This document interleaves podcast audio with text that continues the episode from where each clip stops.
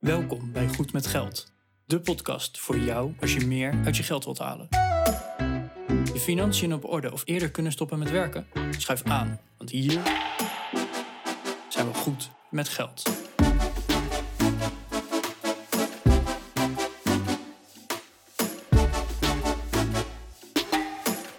Aflevering 173 van de Goed met Geld podcast.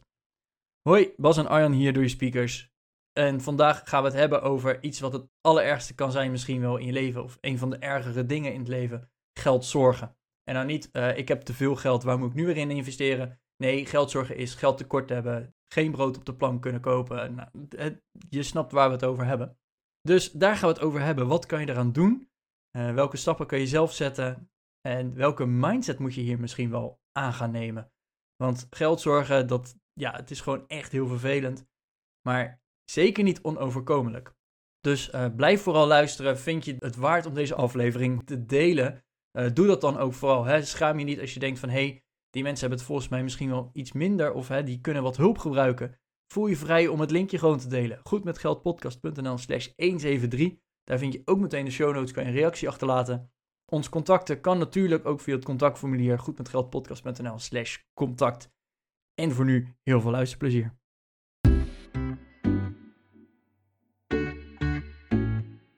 Goedemorgen Arjan. Hey, goedemorgen Bas.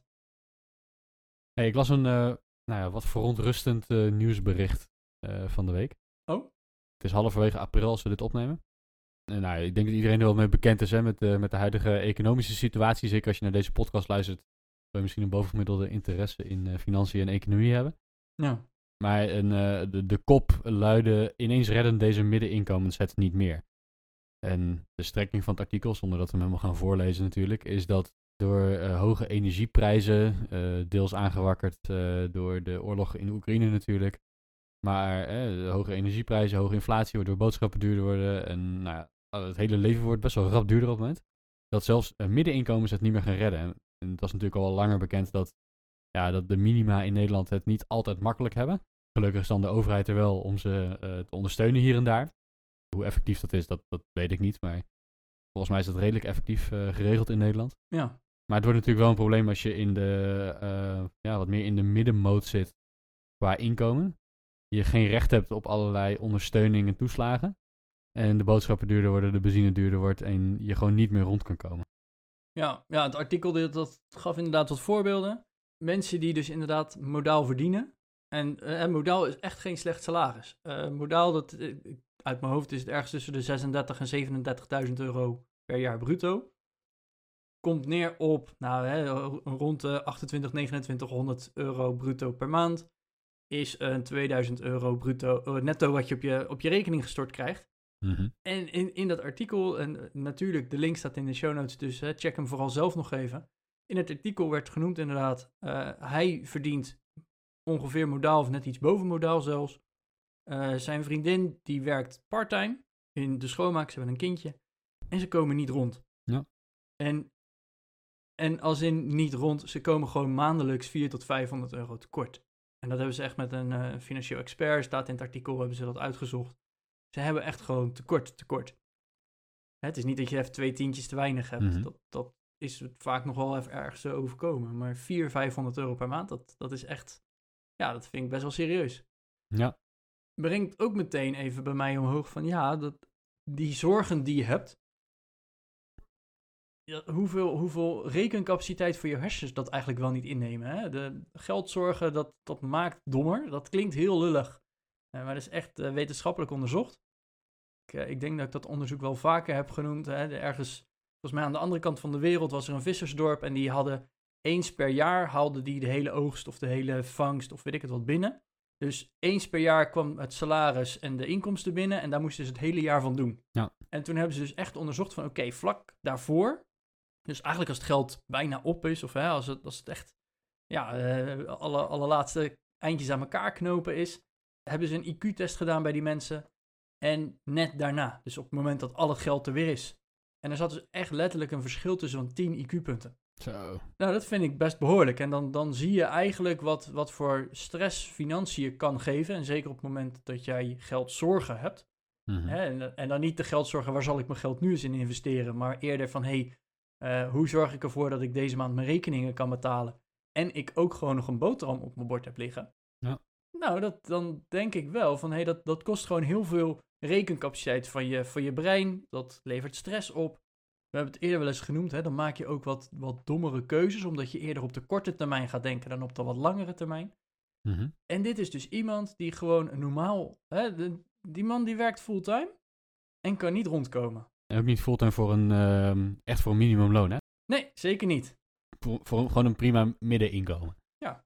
Ja, dat is wel, eh, dat is wel extreem. Dat is wel vrij, eh, tenminste, ik, ik vind dat wel vrij zorgelijk. Ja, en nou, daarom wilden wij dus eh, deze aflevering vandaag heel graag gewoon besteden aan het, het voorkomen van zulke geldzorgen. Mhm. En waarschijnlijk zullen sommige van onze luisteraars denken, ja, dit is totaal niet eh, fire en ik wil gaan investeren. Nou, de- dan skip je deze aflevering misschien maar. We zullen waarschijnlijk ook een paar dooddoeners eh erdoor gooien van, ja, denk daar eens aan. Ja, dat doe ik al. Maar ik denk toch dat het goed is om, om hier iets verder naar te kijken. Want ik heb wel eens ergens gelezen dat 38% van de Nederlanders moeite heeft met rondkomen, überhaupt. Nou, dan denk ik echt, één op de vijf jongeren heeft problematische schulden. Nou, al dat soort dingen. Eigenlijk moeten we gewoon dat ook proberen te voorkomen. En ik denk dat je dan ook wel goed met geld probeert te zijn, op zijn minst, als je geldzorgen voorkomt. Ja, dat denk ik ook. En ja, je kunt natuurlijk... eh, eh, wij, wij, zijn, wij zitten in een makkelijke situatie hier, denk ik, eh, Arjan. Dus ik ervaar geen geldzorgen. J- jij, jij volgens mij ook niet. Ik, ik weet het niet, maar Eh, nee, een keer zo hoor, denk ik, denk ik dat, het, eh, dat het bij jou geen probleem is. Dus het is vrij makkelijk praten voor ons en het er makkelijk over hebben van, ah ja, dan moet je toch even dit doen, dan moet je toch even dat doen. Maar wat ik heel lastig vind is, ja, de mensen die in een huurhuis zitten, krijgen dit jaar 3,3% eh huursverhoging erbovenop. De energierekening die gaat zo ongeveer keer 2 als, die, als je contract verloopt en je moet een nieuwe afsluiten. En dan ga je in één keer van een eh, 100, eh, 150 euro de maand naar misschien wel 300 euro per maand. Als jij in de auto zit om eh, op je werk te kunnen komen, je kinderen weg te kunnen brengen naar school en sport, dan nou, de benzine die is, die is echt niet normaal duur geworden. En heel veel mogelijkheden om meer te gaan werken of meer te gaan verdienen, die heb je misschien niet. Nee. En dan kan je toch zeggen van ja, dan neem je toch een baantje erbij, dan ga je extra uren werken. Ja, dat, dat, dat klinkt heel leuk, maar dat, dat kan gewoon niet altijd. Ja, en dan snap ik dat je ineens in een squeeze terechtkomt. En misschien is dat deels zo omdat je financiën niet op orde had voordat al die prijsverhogingen er waren. Dat zou kunnen. Als je elke maand alles opmaakt, dan ga je natuurlijk ook bij het eerste tientje prijsverhoging meteen in de min. Maar ook als je wel zorgde dat je netjes uh, wat overhield elke maand, kan het natuurlijk gewoon zijn dat je met dit soort, uh, in, dit soort economische situaties ineens aan de beurt bent. Uh, en en dat, dat vind ik wel eentje om, om te benadrukken. Ik, roep zelf vaak van, ah ja, je hebt je eigen, um, hoe zeg het, je hebt je eigen toekomst in de hand. En uh, je moet er zelf wat van maken. Dat, dat, is, dat is ook wel zo. Maar je kunt ook wel, je kunt ook wel gewoon grove pech hebben. En ik denk dat in dit geval er best wel veel mensen in Nederland zijn die, uh, die echt even met de handen in het haar zitten. Ja, ja en hè, dan, dan komt het toch uiteindelijk op keuzes maken.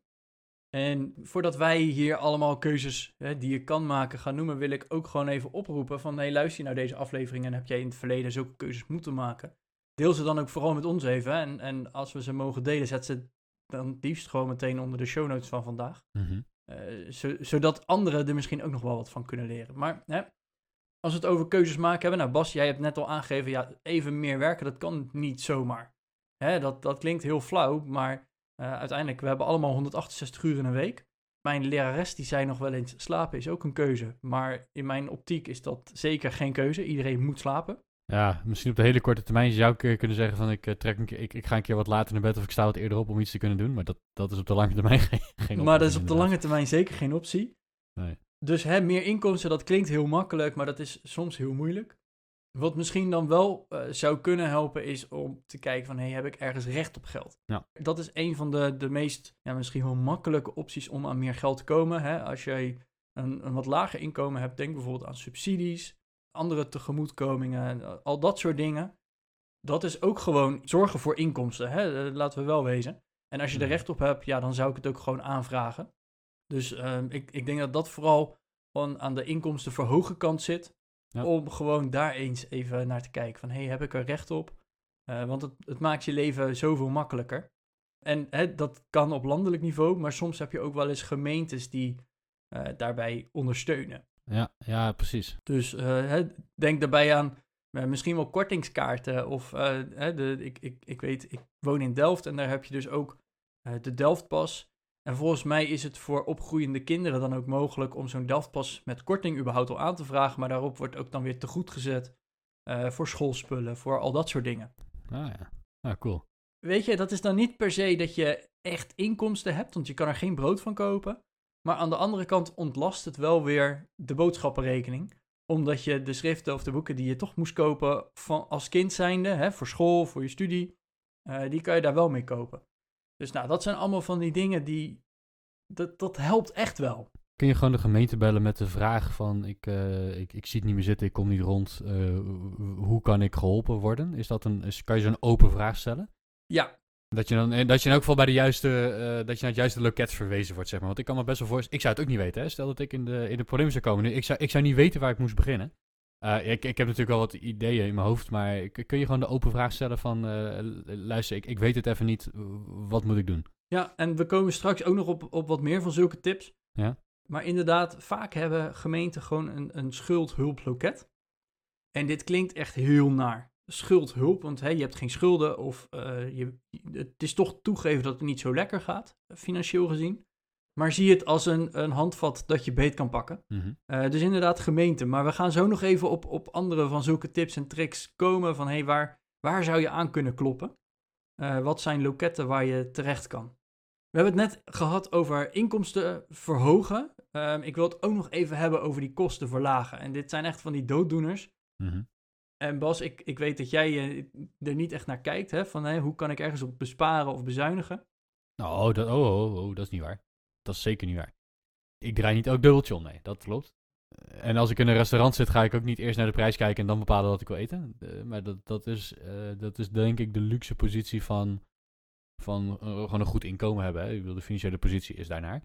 Maar ik, ik, ik laat het niet liggen. Als ik, ehm, eh, ik, ik ga nog steeds één keer per jaar mijn verzekeringen en mijn eh, energiecontracten en dergelijke eh, tegen het licht houden.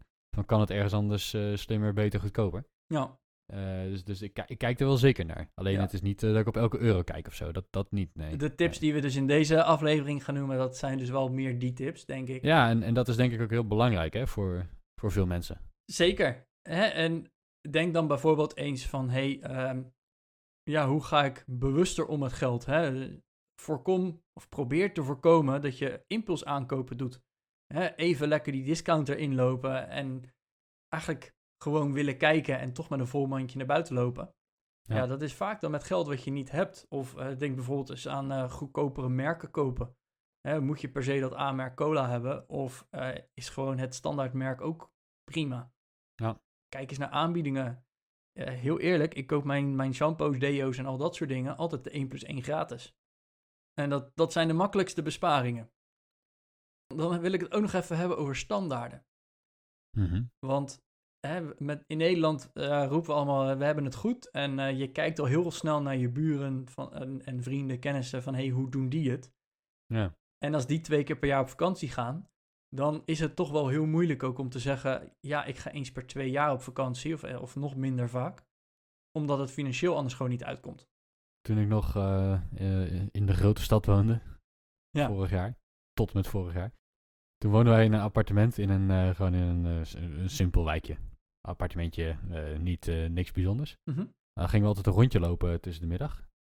En dan liepen we door een, door een andere wijk, of langs de rand van een andere wijk, een beetje aan het water. Ja. eh, waar een paar eh, best wel grote vrijstaande huizen gebouwd waren in, in de eh, 1, 2, 3, drie jaar daarvoor, zeg maar. Dus dat Ja. waren vrij nieuwe woningen.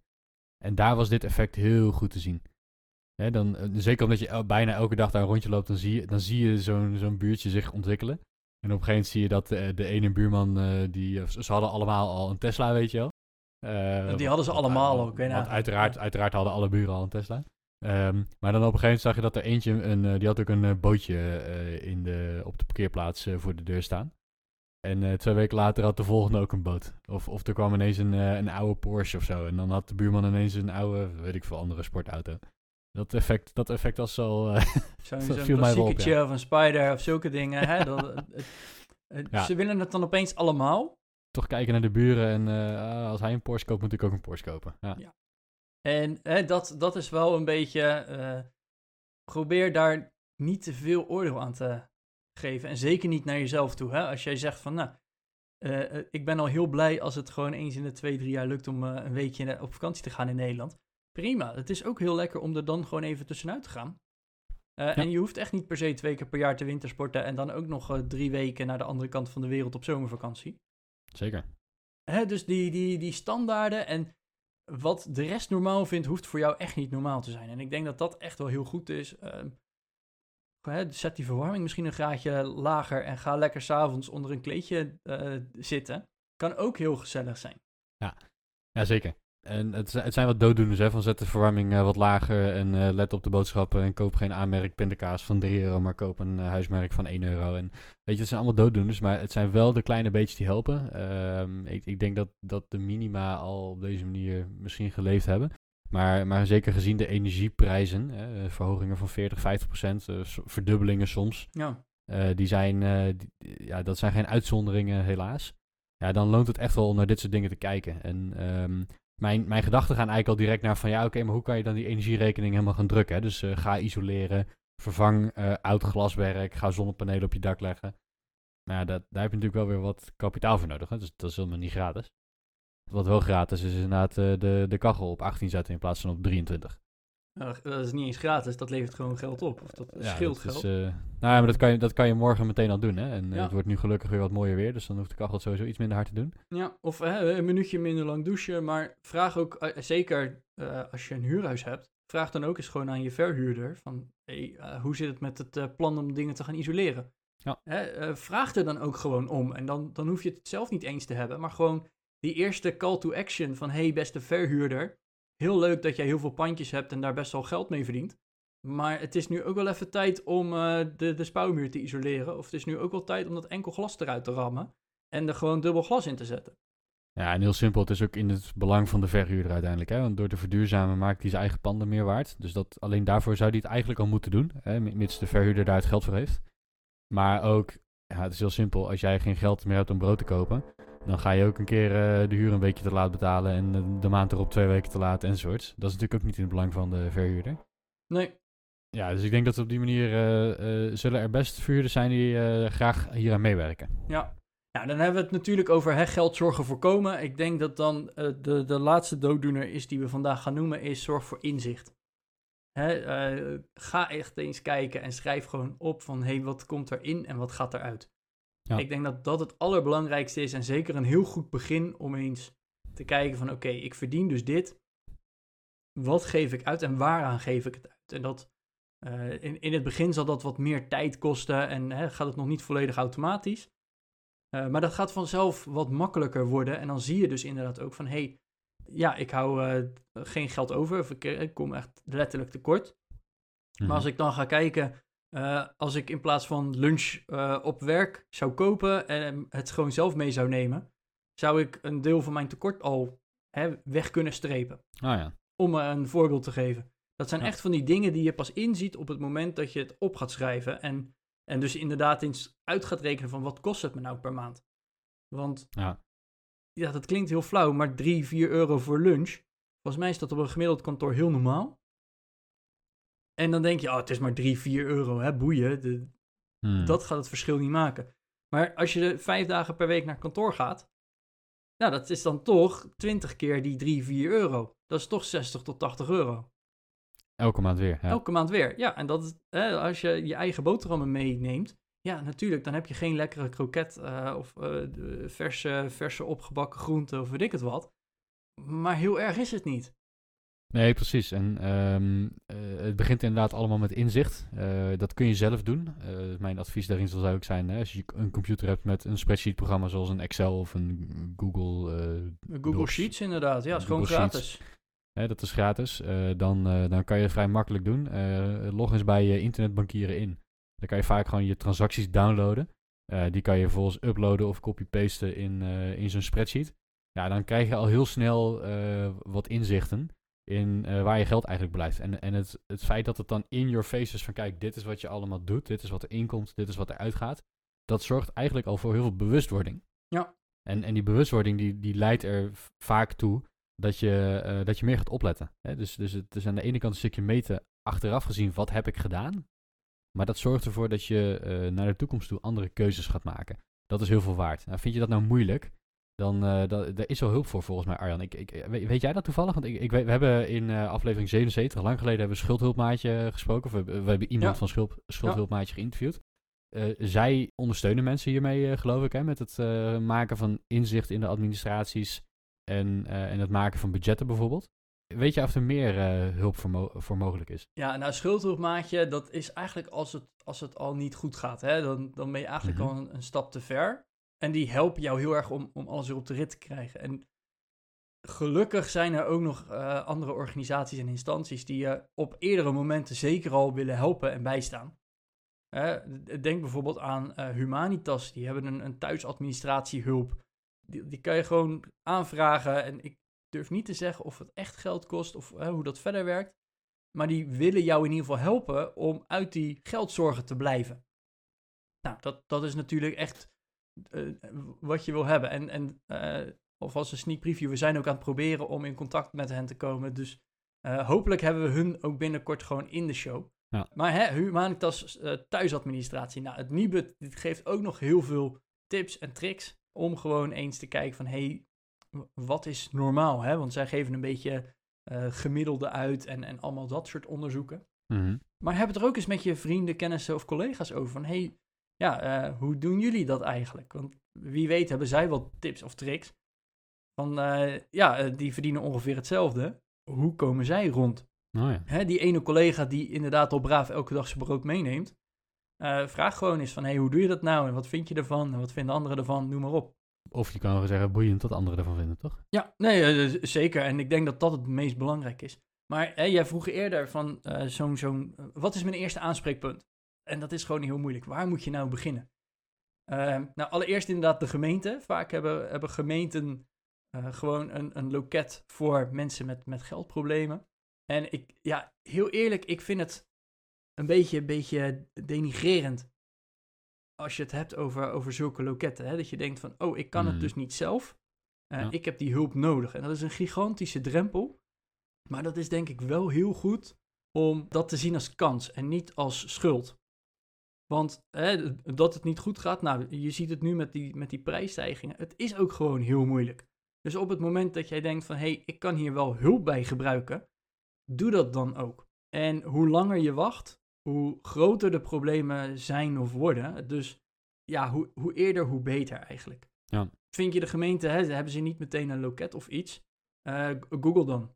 En dat klinkt heel flauw, maar het is wel makkelijk en lekker anoniem. Uh, ja, toch weer die zoekterm schuldhulp en dan jouw gemeente bijvoorbeeld, dat werkt echt al heel erg. Uh, maar denk bijvoorbeeld ook aan je huisarts. En dat is niet meteen de eerste plek waar je naartoe zou gaan. Uh, maar hè, inderdaad, wat we eerder al zeiden, problemen met geld en, en schulden, dat kan heel veel stress opleveren. Mm -hmm. uh, dus vaak weten huisartsen ook echt de loketten te vinden in zo'n gemeente, hè, want dat is heel lokaal natuurlijk. Van mm. hey, welke instanties zijn er? Wie kunnen je hulp bieden? En hoe kunnen we dat um, ja, beter vormgeven? Want hè, effectief, uiteindelijk gaat het toch ergens aan je gezondheid knagen. Nou stress is, of uh, je, je IQ wat eronder leidt, of uh, gewoon je, je doen en laten, je geluk. Uh, dus zelfs de huisarts is een, uh, een loket waar je dan terecht zou kunnen. Nou, goede, goede tips. En waar ik eigenlijk ook wel benieuwd naar ben, is uh, naar de ervaringen van jou als luisteraar. Um, ik snap dat dit best wel persoonlijk kan zijn en dat het misschien moeilijk is om, uh, om, om, verhalen te delen. Uh, je kunt natuurlijk onder de show notes van deze aflevering een berichtje posten. weet wel dat dat openbaar is. Dus als je dat niet erg vindt, kan je dat doen.